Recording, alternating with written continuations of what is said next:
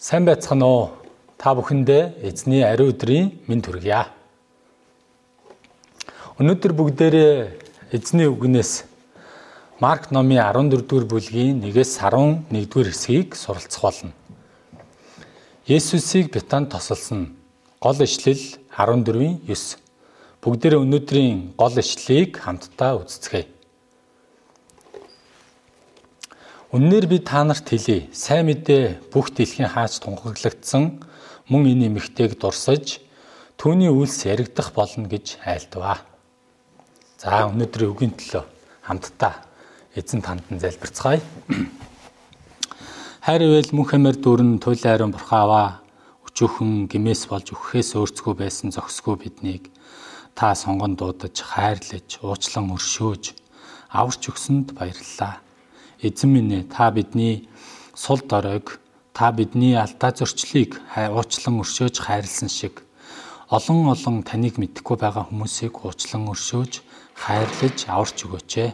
Эзэн минь тэгээд өнөөдөр Есүсийг тосолж буй. Энэ үгнээ үгээр дамжуулан эзэн таныг улам илүү сайн сурч чадхад та тусалж удирж өгөөч ээ өнөөдрийн энэ цагта хамт байж удирдах таны үгийг сонсож байгаа онлайнаар сонсож байгаа нийт бүх ахан дүүс нарын дээр таны үгийн өрөөл бэлхэм дүүрэн байх болтугай энэ цагийг танд даатгаад бидний цорын ганц аврагч хэзэн Есүсийн нэрээр даатхан залбирлаа. Амен.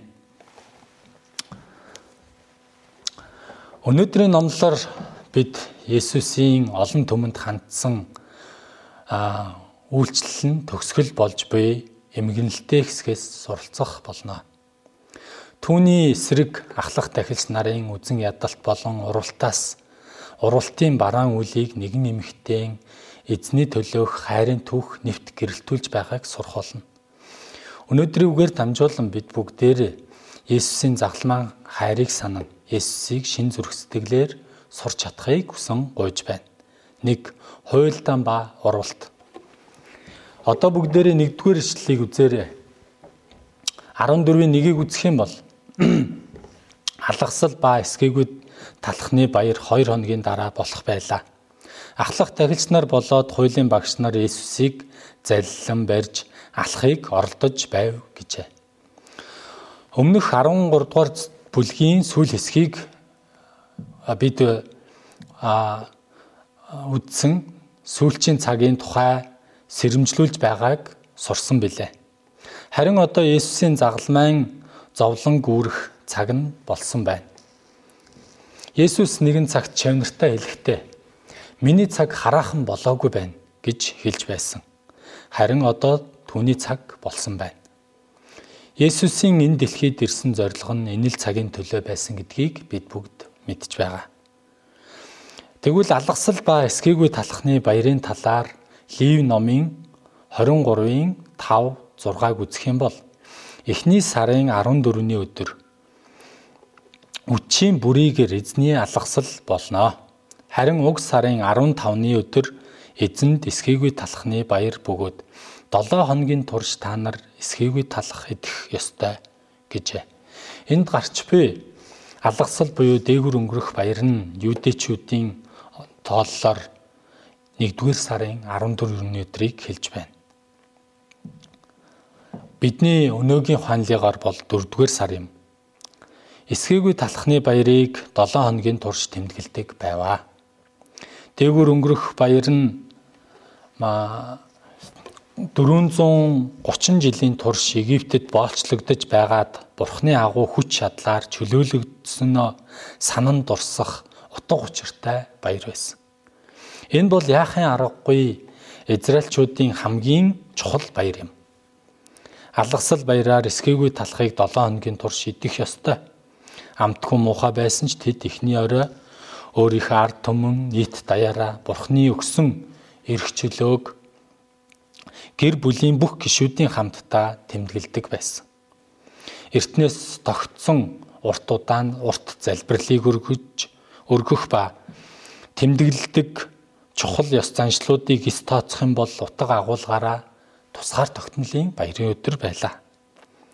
Гэр бүлээрээ хамтдаа цуглаж байгааг нь харах юм бол бидний цагаан сарын баяртай адил юм.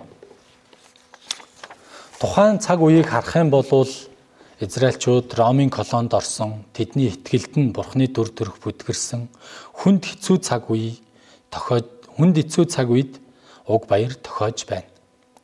Энэхүү хүнд хэцүү цаг үед ард түмнийг хөршүүдээ хонин сүрэгт анхаарал тавьж ятгаж урамшуулж эзэн дахин ирэх болноо. Тэр бид бүгдийг Египтийн боолчлоос чөлөөлсөн лугаа адил биднийг аврах болноо. Месиа аврагч ирэх болно хэмээн зааж ятгаж урамшуулах хүмүүс нь ахлах тахилч нар болон хуулийн багш нар биш гэж юу. Гэвч тэд эсэргээр ата хорсол давтан аврагчийг алхаар хуйлдын хуйлдаан зохиож явааг харах юм бол тэд хоньны арьс нүмерсэн чон мэт болсон байгааг харж болно. Тэдний зүрх сэтгэлд бурхны авралын баяр хөөр хайраас илүүгээр атаархал үзен ядалт атгаг хорон хорон санаа бодол дүүрэн байна. Юдасын уралтанд ч гэсэн сүнсний хүслийг хүнслийг хүслийг бос мах бодийн хүсэл шунаг сэтгэл давтан энэ дэлхийн устж үгүй болох мөнгөний боол болсон учраас түүнээс урвж мөнгө 30 мөнгөн зоосоор Иесусыг барьж өгсөн. Тэд шашинлаг баг өмссөн сатааны хүүхдүүд болсон байна. Тэд ард түмэн Есүсийг Месиа гэж итгэн дагаж байсан учраас өвмэн бослог гарахаас айж баяраар Есүсийг алхаа төр хойшлуулсан гэж байна. Гэвч Есүс Юдасыг гимшүүлэх гэж Юдаст гимшлийг гимших боломжийг өгсөөр байсан. Гэвч Юдас гимшээгүй. Тиймээс Есүс Юдасын зүрх сэтгэлийг нэгэнтээ ойлгосон. Тийм учраас Юдаст чи бодож буй зүйлсээ гүйцэлдүүлээ гэж яаравчлуулсан. Улмаар Юдас яаран сандран ахлах тагснар дээр очиж Есүс нэг тийшээ явах гэж шиг байна. Энэ бол яг бидний хүсэн хүлээсэн тохиромжтой цаг үе. Одоо л Есүсийг барих хэрэгтэй гэдгийг очиж дуулгасан. Улмаар Юдасын уралтаас болж Иесус дээгүр өнгөрөх баярын хураг болон нас барсан. Хүний арга хүний төлөвлөгөөнөөс илүүгээр ажилтг нь Бурхны хүсэл таалал юм а. Нэг гашуун үннийг бид бүхэн сайн ойлгож хүлээн зөвшөөрөх хэрэгтэй. Тэр нь та бид хинч байсан гэсэн нөхцөл бүртгэл юм бол ахлах тахилч нар адил мөн Юдасын адил Иесусээс урууж энэ дэлхийн зүйлсийн боол болох боломжтой юм. 1-р Коринт номын 10-ын 12-д хэлсэнчлэн тиймээс өөрийгөө зогсож байна гэж бодогч нь унчихгүй тулд болгоомжлогтун гэж хэлсэн байна. Тиймээс бид эзэн бурхандаа эмийн хүндэтгэх сэтгэлтэй байж тэр биднийг гимээс чөлөөлсөн тэр бидний төлөө амиа зольж аварсан гэдэгт бат итгэлтэй байх хэрэгтэй юм уг суурин дээр бурхан гайхамшигтай байшинг барих болно. Бид бүгдийн итгэлийн эхлэл нь ямар гоё байсан шиг тийхүү дуусах хэрэгтэй. Юдас бол Иесусийн сонгог Иесусийн сонгогдсон өрөөгдсөн элч. Иесусийн сайн мэдээний ажлын түүхэнд оролцогч хамтран зүтгэгч нэгэн байсан. Есүсийн хайр болон үйлчлэл хамгаалтыг мөн дасгалжуулалтыг хинээс ч илүү онцгой хүртэн хүлээн авсан нэгэн байсан. Гэвч тэрээр энэхүү агуу ивэлийг зөв эдэлж чадалгүй энэ дэлхийн мөнгийг хайрлаж хайрлах үед бүрэн итгэлээсээ холдож түүнийг эхлэл нь сайхан ивэлтэй байсан байсан боловч төгсгөл нь өрөвдөлтэй эмгэнэлтэйгээр дууссан.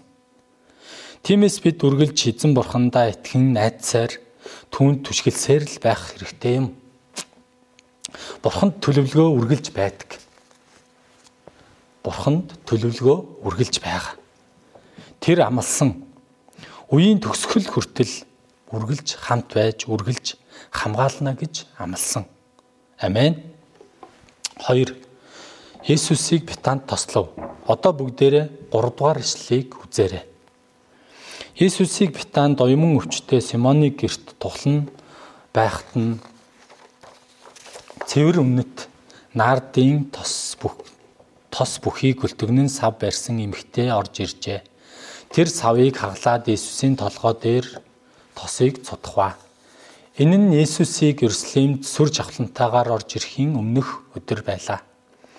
Энд гарч буй нэгэн эмэгтэй гэдэг нь Йохан номоос үзэх юм бол Марта Лазар нарын дүү Мария байсныг мэдэж болно. Үнэт тос нь 300 гаруй динарын үнэтэй өөрөөр хэлбэл тухайн үеийн нэг хүний бүтэн жилийн ажлын хөлстэй тэнцэх үн цэнтэй зүйл байсан. Энэхүү анхлын тосыг онцгой зочин гертэн ирэх үед дээр нь багс зэрэг дусаах дусаах нь нийтлэг боловсон ёс байсан. Мөн үнэрт тосыг оршуулах гэж байгаа цогцонд тослоход ашигладаг байжээ. Зөгнөлт хэлсэнчлэн Месея гэдэг үг нь Бурхны үйлчлэлийн төлөөх тослогдсон нэгэн гэсэн утгатай. Магадгүй Мария удахгүй болох гэж байгаа эмгэнэлт явдлыг зөнгөөрөө мэдсэн учраас савта тосоо харамгүй сэтгэлээр халуун итгэл талархал хүндэтгэлийн улмаас бүхэлдэн түүний дээрээс цутгсан байж болох юм. Мөн анхлын тос нь тэр эмхтэн хадамд гарахтаа шин бэрийн авч очдог нандин зүйлс нандин зүйл байсан бөгөөд эмхтэн хүсэл мөрөөдөл бүх зүйл нь байсан юм. Гэвч энэ нандин тосоо Есүст сайн мэдээнд үйлчлэхийн төлөө саваа хаглаад Есүсийн толгой дээр цутгасан. Тэр эмэгтэй бүгдийг нь Есүсийн толгой болон хөл дээр асгаж үсээрөө хөлийг нь арчсан. Энэ үйлдэл нь хөндлөнгийн хүний нүдээр харах юм бол дэндүү бодлогогүй монхог мэт харагдах харагдаж байсан. Гэвч энэ үйлдэл нь Есүст хандсан тэр эмэгтэй золиос зориулалт талархал итгэл найдвар хайрын илэрхийлэл болохыг харж болно. Энэ эмэгтэйн хувьд Есүст хандсан хайрлж хүндлэхийн хамгийн агуу илэрхийлэл байсан юм. Мөн бусад хүмүүс юу гэж бодох бол гэж санаа зовлог зовлгүйгээр зөвхөн Есүст л хандсан халуун сэтгэлийн халуун сэтгэлээр анхлын тосоо цутгсан. Эмэгтэй инхүү үлдэж чадсан Есүсийг амийн эзэн, хаан, аврагч эзэн Месиа гэж хүлээн зөвшөөрсөн учраас юм. Мөн Есүсээс авсан авралын ивэл дэндүү том байсан учраас хайр болон талархлаа илэрхийлэх арга байхгүй байсан учраас ийхүү анхлын тосоо өргөсөн. Энэхүү энэхүү боломж нь эмгтээд тэр болгон олдоод байх завшаан биш байсан. Битанд ирээд гэрийнхэнд хажууханд байдаг Симоны герт ирснийг дуулаад даруй энэ эмгтээ уг боломжийг алдахыг хүсээгүй. Үүний адил бурханд зориулалт золиос гаргах боломж цаг гэдэг бүр цаг гэдэг нь хүн бүрт үргэлж олдоод байдаггүй. Энэ цаг үе өнөөгийн боломж гэдэг бол дахин хизээч эргэж ирэхгүй цаг хугацаатай адил зүйл юм. Заримдаа бид сайн мэдээнд зориулах боломжоо энэ дэлхийн амьдралын асуудлуудаас асуудлуудаасаа болоод хойшлуулж дараа дараа болёо дараа гэж хэлдэг. Сургуулаа төгсчхөөд л дараа нь эзэнд үйлчлэе гэдэг. Магадгүй сайхан ажилтаа болцоход амьдралын боломжтой болцоход залуу залуудаа сайн ажиллаад тэтгэрт гараад завтаа болохоро гих мэт хайвал шалтгаан шалтгаан мундахгүй их. Тэгээд бурханд үйлчлэх нандин цагийг дэлхийн зүйлсийн төлөө зориулж эзэнд үйлчлэх нандин цаг хугацааг алддаг. Харин та уг гимхтэй шиг Есүст үйлчлэх боломжийг бүү алдаарай. 4 5 дугаар ишлэлийг үзээрэй одоо бүгдээрээ 4 5-ыг хамтдаа үзье. Эмэгтэй үйлдэлд хүмүүс ямар хариу үйлдэл үзүүлсэн юм бэ? Гэтэл зарим нь зэвүүцэн өөр хоорондоо хилцэж юунд энэ тосыг ингэж үрнвэ? Энэ тосыг 3 300 гаруй динараар зарж ядуус төгсч болох байсан шүү дээ. Гэд тэд түүнийг зэмлжээ. Матай номноос үзвэл зарим шавнар нь гэж хэлсэн баг. Йохан номыг үзэх юм бол Скротын Юдас гэж хэлсэн. Мариаг үнэт тосоод ямар ч хэрэггүй зүйлд хэрэгэлсэн гэж зэмлсэн. Иохан номын 12-ын 6-г үзэх юм бол Скратийн Юдасыг хулгайч тэр санхүүг барьж байхдаа түүнээс хумсалдаг байсан гэж хэлжээ. Хүмүүс дэлхийн зүйлсэд их хөрөнгө оруулалт хийх үед хизээч шүүдэггүй, шүүгддэггүй. Мөн тусламж хандив өргөвөл сайн үйлс хийж байна химэн магтан сайшаадаг. Гэвч Христэд аврагч Месиад цаг болон хайр хүндлэл эд хөрөнгөө өргөж өргөх үед энэ хүн ухаанаа алджээ химэн хэрэггүй юм хийж байна химэн шүм шүүдэг.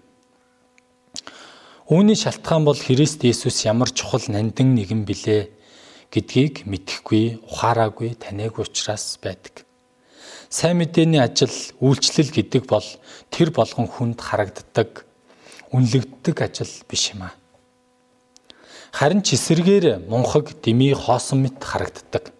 Гэвч энэ бол тэнгэрт эд баялаг хураадаг нандин ажил юм.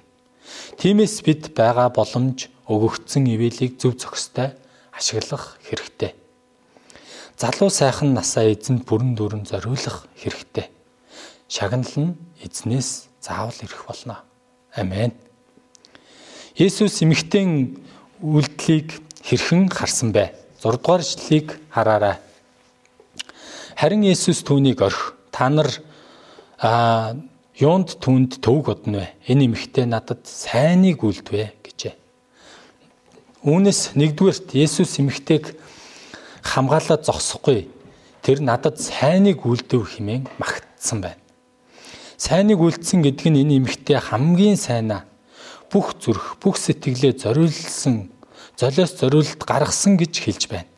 Тиймээс Есүс эмэгтэйн үйлдэлийг сайн зүйл хэмээн магтан түүний чин зүрх сэтгэлийг хүлээн авсан юм. Есүс бидний чин зүрх сэтгэлийг сэтгэл нэг бүрийг нэгийг нь ч гарзарт унгалгүй бүгднийг нь хүлээн авдаг. Бид жилийн турш фишинг хийж, нэг нэгэн библийн хичээл хийж а нүдэнд хийдэгч нүдэнд харагдахгүй үр жимс байхгүй мэт хий хоосон зүйл хийж байгаа мэт санагдаж урам уграх үе байдаг. Хэдий хинч миний чин сэтгэлийг мэдэхгүй ойлгохгүй байгаа юм шиг мөн дотны хүмүүс маань биднийг шүүн чи юу хийгээд яваа юм бэ гэж хэлэх үед бидний сэтгэлд хэцүү болдог. Гэвч бидний чин сэтгэлийг хүмүүс ойлгохгүй байсан ч Есүс бүгднийг нь мэдэж ойлгож хүлээн авдаг. Хоёрдугаарт Есүс эмэгтэйн үйлдэлийг бүх хүч чадлаа зориулсан хэмээн үнэлсэн. Тэр хийж чадхаал хийсэн гэжээ эмэгтэйн Есүст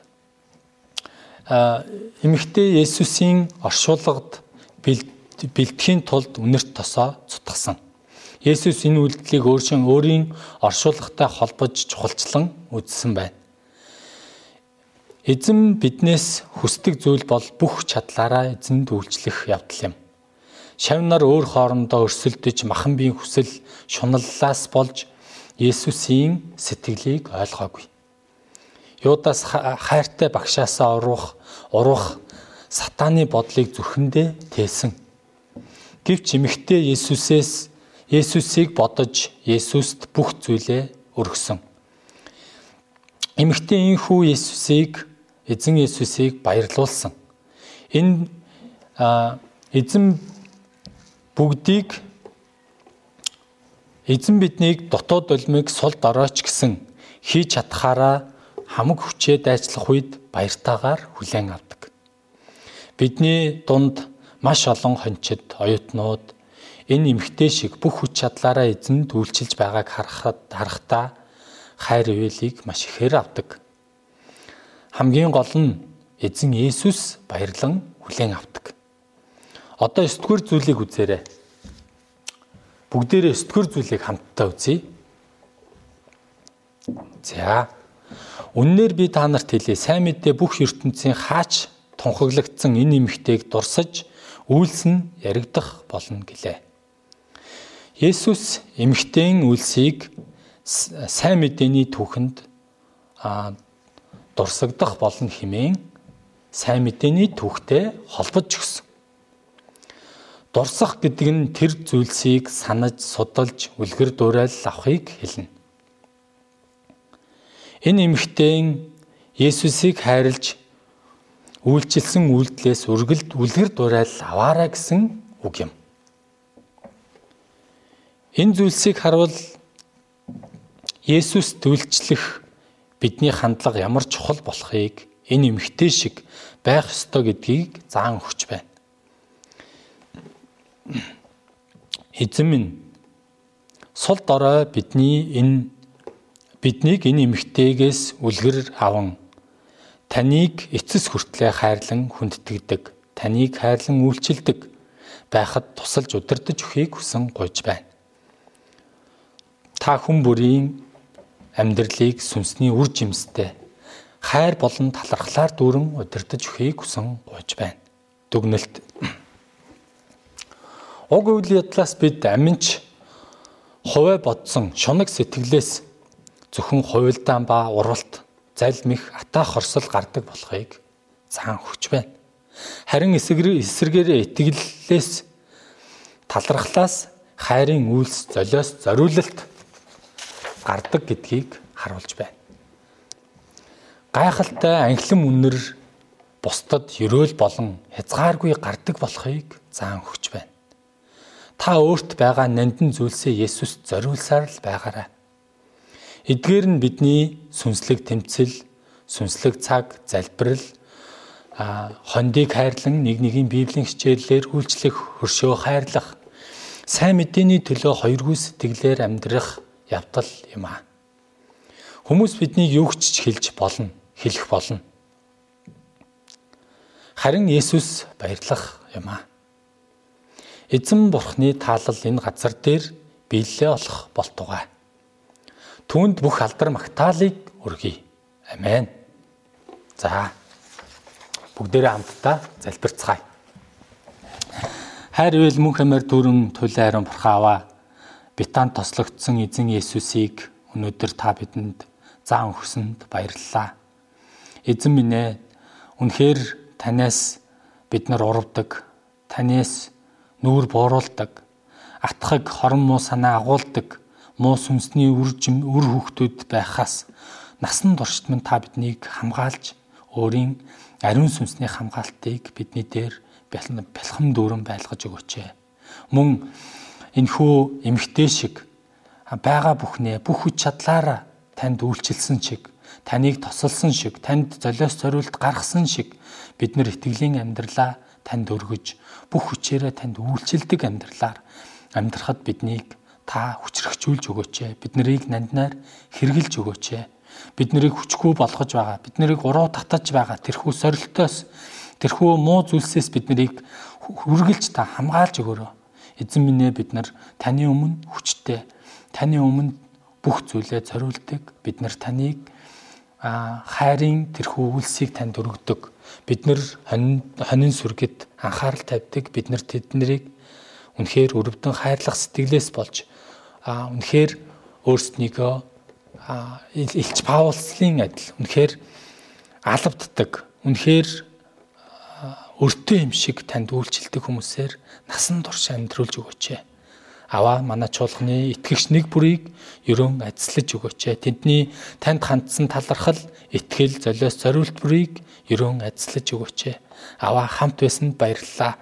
Бидэнд хайр ивэлтэй үгээ өгдөгт баярлалаа бүх талархал магтаалыг танд өргөөд бидний цорын ганц аврагч эзэн Есүсийн нэрээр талархан залбирлаа.